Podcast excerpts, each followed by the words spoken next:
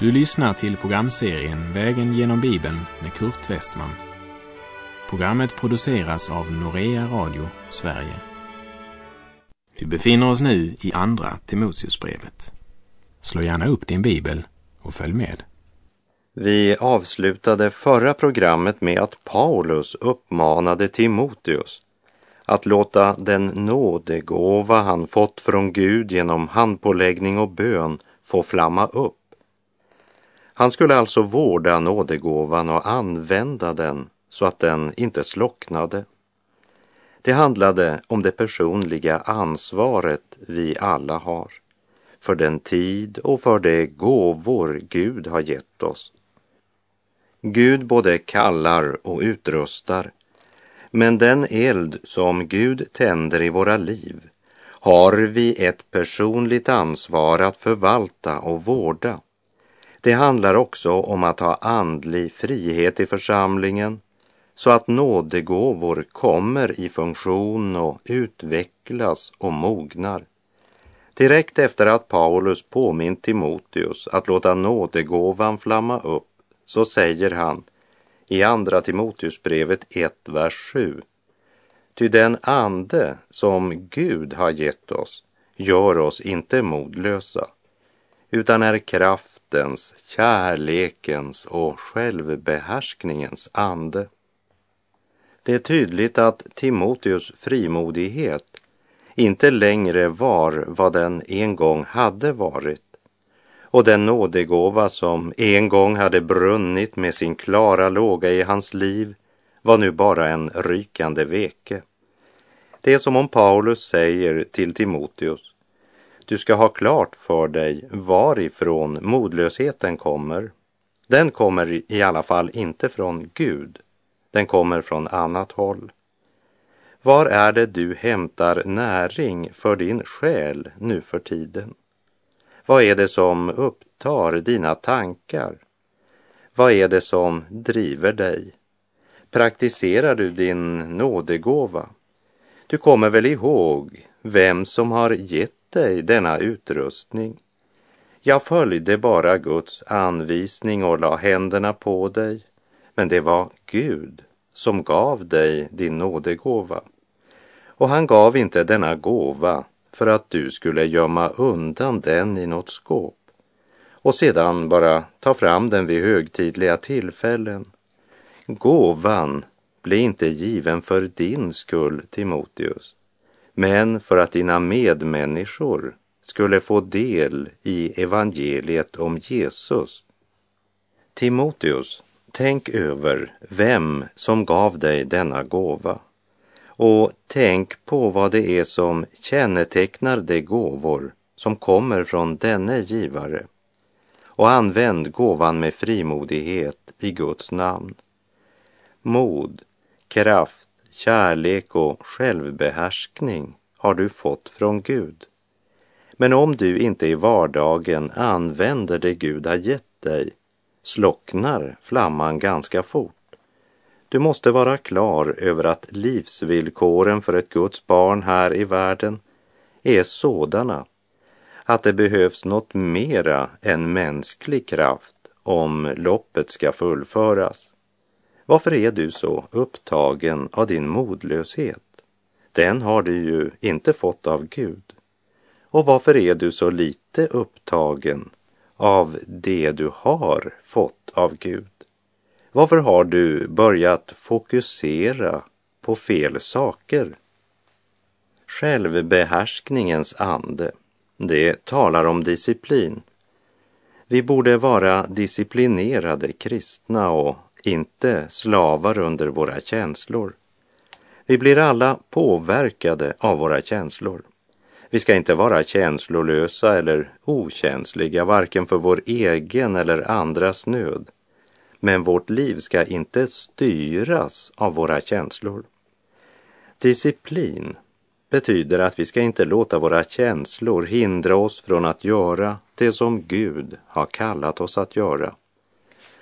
Och det är det Paulus nu talar om med sin unge medarbetare Timoteus.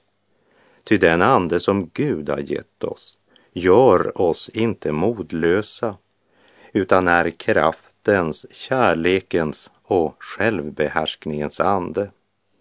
Den som inte lever som Kristus lärde, han är ingen kristen, även om han med munnen bekänner Kristi lära. För Guds ord säger, det är inte lagens hörare som blir rättfärdiga inför Gud, utan lagens görare skall förklaras rättfärdiga, står det i Romarbrevet 2.13. Den tro som inte praktiseras är inte tro, utan bara kunskap. Tron gör oss till kristna. Levernet bevisar att vi är kristna. Lidandet prövar om vi är kristna. Och den ande Gud har gett oss gör oss inte modlösa. Samtidigt måste vi säga att endast den som känner sin egen svaghet är verkligen stark. Det som kännetecknar verklig kraft, det är att den växer i motgång. Låt varje frestelse till modlöshet bli ett tillfälle att söka närmare in till Gud. Jag sök Gud medan han låter sig finnas. Åkalla honom medan han är nära. Och låt honom ge dig kärlekens, kraftens och självbehärskningens ande.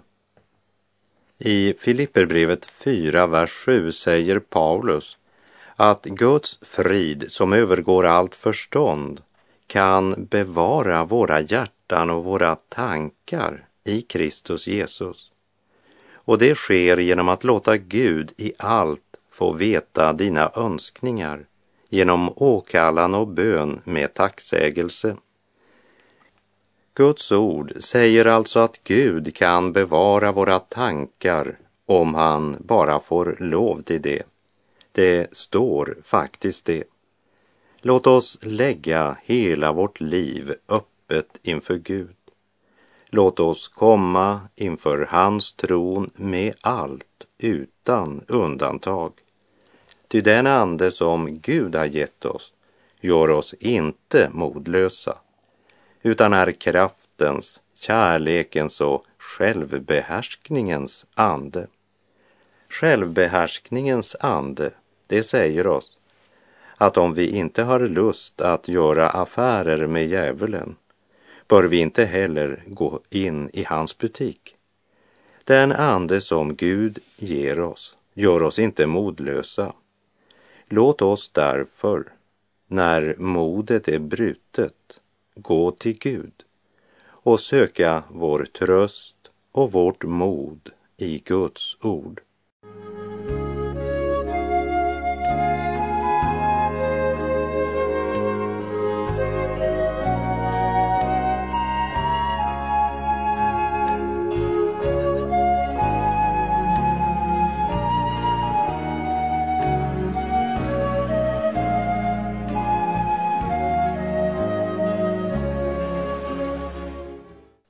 Som överskrift till Andra Timoteusbrevets första kapitel så har jag satt tre ord. Trofasthet i lidandet.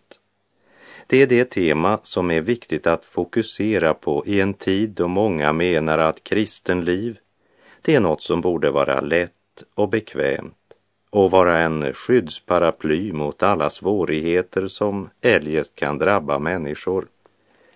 Kristus liv handlar inte om att hitta vägar där vi kan undgå svårigheter och lidanden. Men det handlar om att leva i gemenskap med honom som ger oss kraften, kärleken och självbehärskningens ande. Gud har inte kallat oss att undfly lidandet. Tvärtom, han har kallat oss att för evangeliets skull bära vårt lidande. Det betyder inte att vi ska söka lidande, men vi ska inte undlåta att sprida evangeliets budskap, även om det skulle medföra svårigheter för oss personligen. Vi läser i Andra Timoteusbrevets första kapitel, vers 8. Skäms alltså inte för vittnesbördet om vår Herre och inte heller för mig, hans fånge, utan bär också du ditt lidande för evangelium efter den kraft som Gud ger. Lägg märke till att Paulus inte säger kejsarens fånge. Han talar om vittnesbördet om vår Herre och han betraktar sig som Herrens fånge.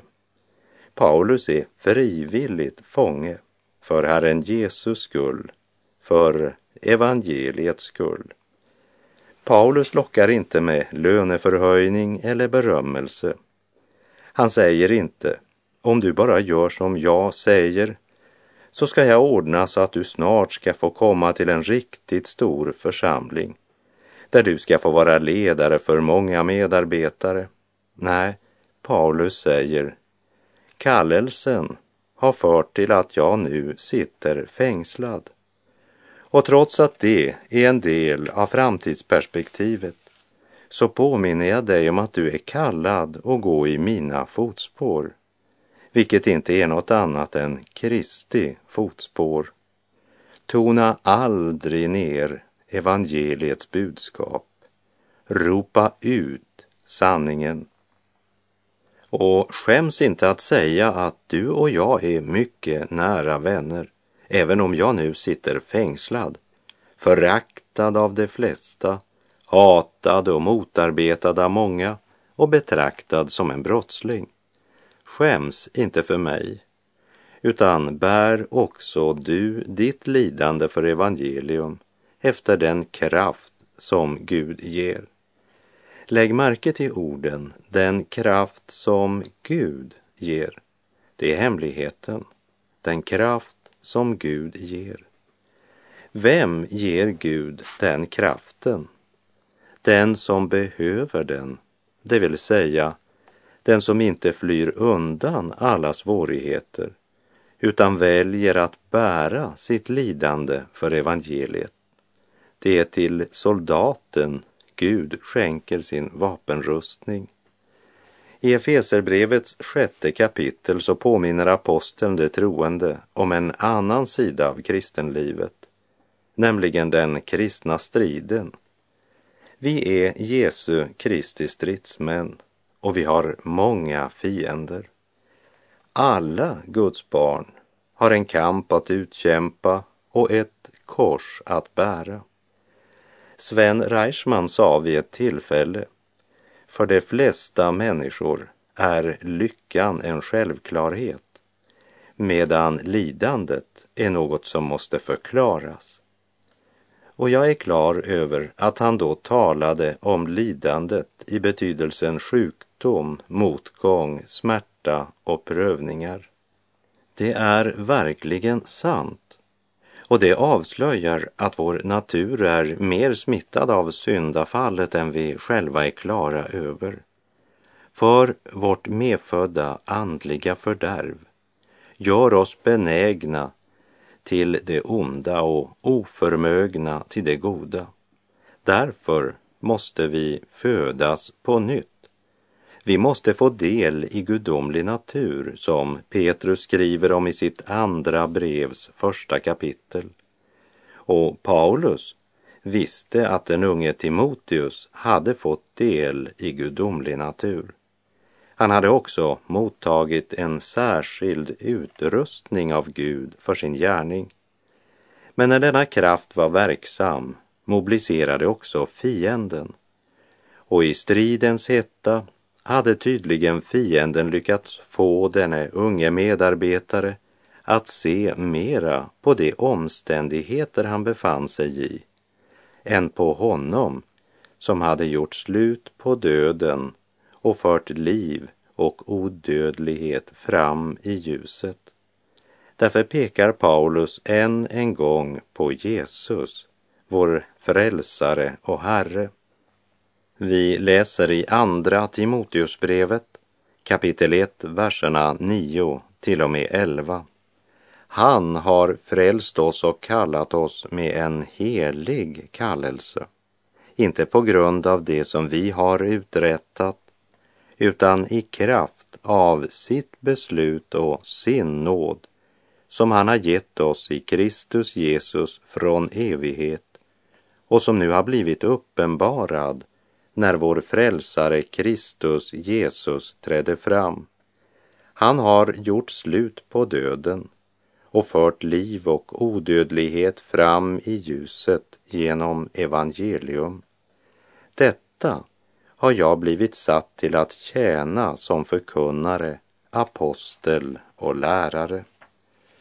Här går mina tankar till något vi sjöng på Frälsningsarmén i Robertsfors den tid då jag bodde i Västerbotten. Se på Jesus i växlande tider. Han förbliver din trofaste vän. Han är med då du kämpar och lider. Han har aldrig lovat att jag ska slippa varken kamp eller lidande. Men han har lovat att vara med mig alla dagar intill tidens slut. Och han har frälst mig och kallat mig med en helig kallelse i kraft av sin nåd.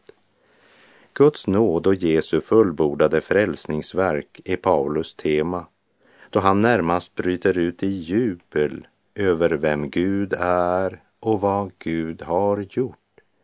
Han lovsjunger Guds suveräna frälsningsplan. Det är som jag hörde Paulus ropa. Timoteus, kom ihåg att i himlen är det aldrig kaos, bara planer. Segern är vunnen. Och det är den segern du är kallad att proklamera. För evangeliet måste förkunnas om frälsningsverket ska bli känt och kunna tas emot av våra medmänniskor.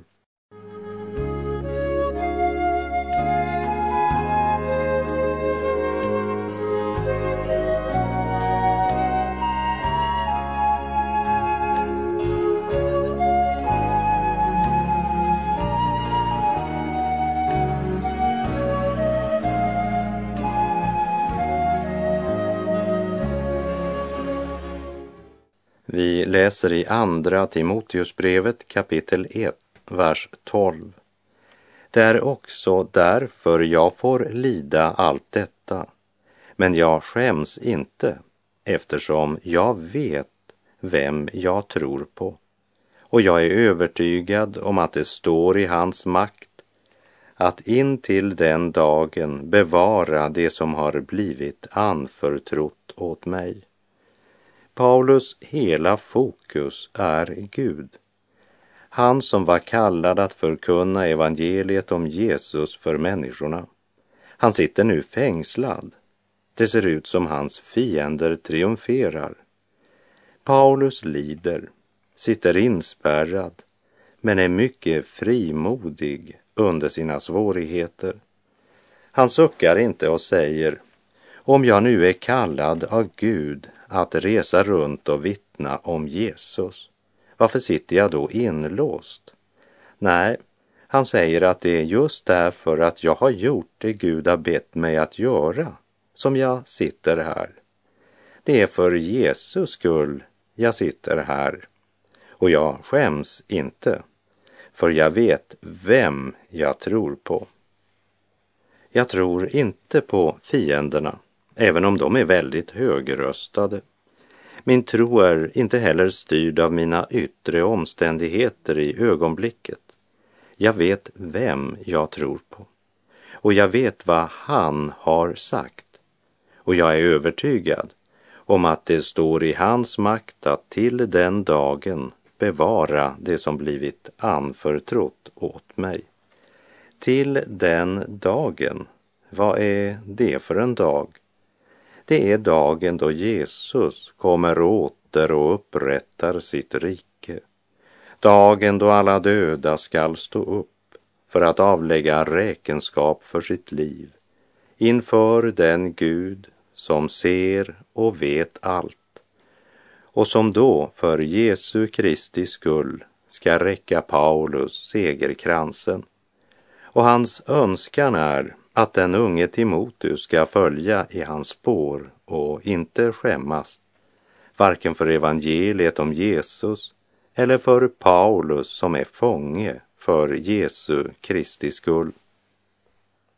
Vi läser Andra Timoteusbrevet 1, vers 13. Som mönster för en sund förkunnelse ska du ha det ord som du har hört av mig i tro och kärlek i Kristus Jesus.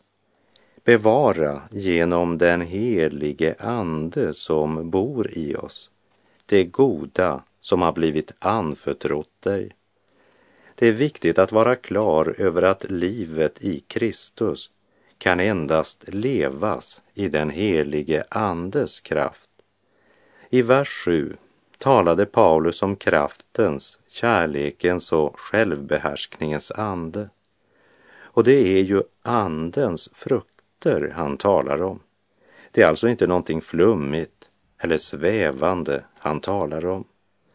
Mönstret för en sund förkunnelse var det ord Timoteus hade hört av Paulus, som var Herren Jesu apostel. Och vad det budskapet innehöll, det skrev han bland annat om till de troende i Korint. Jag citerar Första Korinthierbrevet 15, verserna 3 och 4. Jag meddelade er det allra viktigaste, vad jag själv hade tagit emot att Kristus dog för våra synder enligt skrifterna, att han blev begravd, att han uppstod på tredje dagen enligt skrifterna. Paulus klara fokus på Kristus, hans levande tro, tjänande sinnelag, hans sanna kärlek och hans omsorg för bröderna och hans trohet mot evangeliet sammanfattas i dessa ord i tro och kärlek i Kristus Jesus. Och hur ska nu den unge Timoteus bevara det goda som blivit honom anförtrott? Ja, vad säger aposteln? Bevara genom den helige Ande. Därmed så är vi än en gång tillbaka till Jesu ord i Johannes 7.38. Den som tror på mig Ur hans innersta ska strömmar av levande vatten flyta fram, som skriften säger. Detta sade han om anden som det skulle få som trodde på honom. Bevara genom den helige ande som bor i oss det goda som har blivit anförtrott dig, som bor i oss. Till det troende i Rom skrev Paulus i Romarbrevet 8, vers 9. Ni däremot lever inte efter köttet utan efter anden, eftersom Guds ande bor i er. Den som inte har Kristi ande tillhör inte honom.